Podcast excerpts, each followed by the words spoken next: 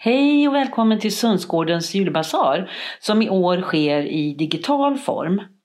Årets insamlade medel går oavkortat till kvinnojouren i Helsingborg och deras viktiga arbete. Lyssna nu och njut av en betraktelse från dagens julpoddsvärld och så swishar du valfritt belopp eller sätter in på Sundsgårdens bankgirokonto för att stötta kvinnojourens verksamhet. Tack för ditt bidrag, litet som stort.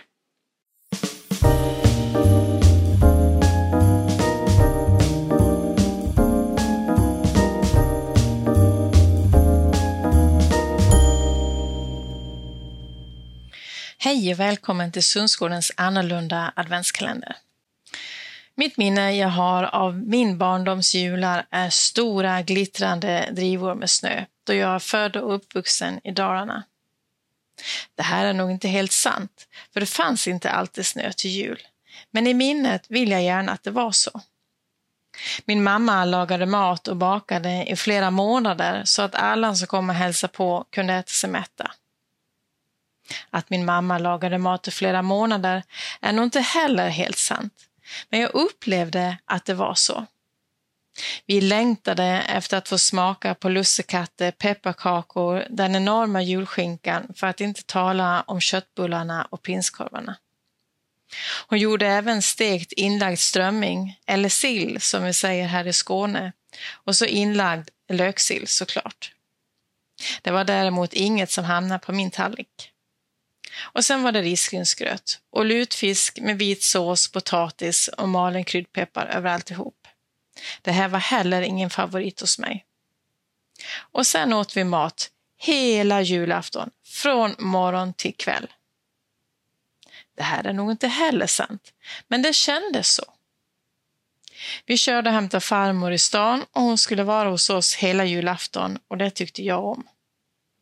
Mormor och morfar kom också och lika så gjorde våra fastrar och kusiner som dök upp på kvällskvisten och då skulle det såklart bjudas på något att äta.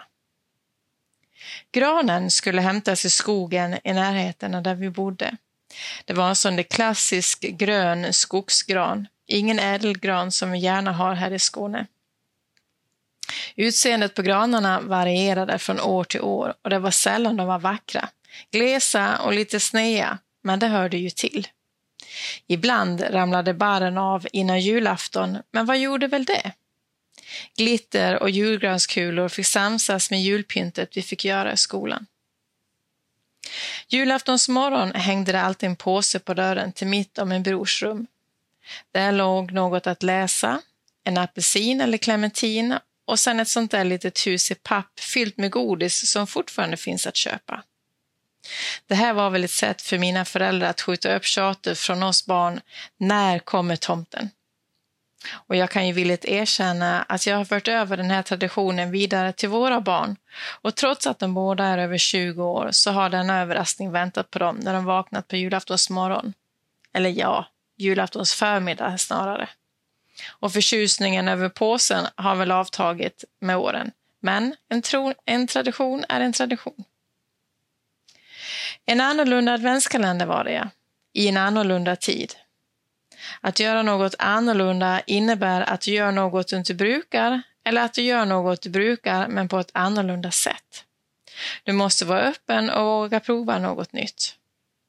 Hur många är vi inte som nu har fått prova på att ha digitala möten på jobbet, leda digitala lektioner och träffa nära och kära via digitala kanaler? I år blir det inga påsar på våra barns dörrar. De befinner sig långt hemifrån så vi får fira jul på ett annorlunda sätt, precis som många andra i år. Sundsgården är fantastiska på att göra något annorlunda. Årets julbasar är ett exempel. Ett annat är att ständigt finna nya vägar och utveckla och utbilda människor. Att årets insamling går till kvinnojouren och deras barn gör att dessa kvinnor och barn förhoppningsvis får fira en annorlunda jul och skapa ett positivt minne att bära med sig.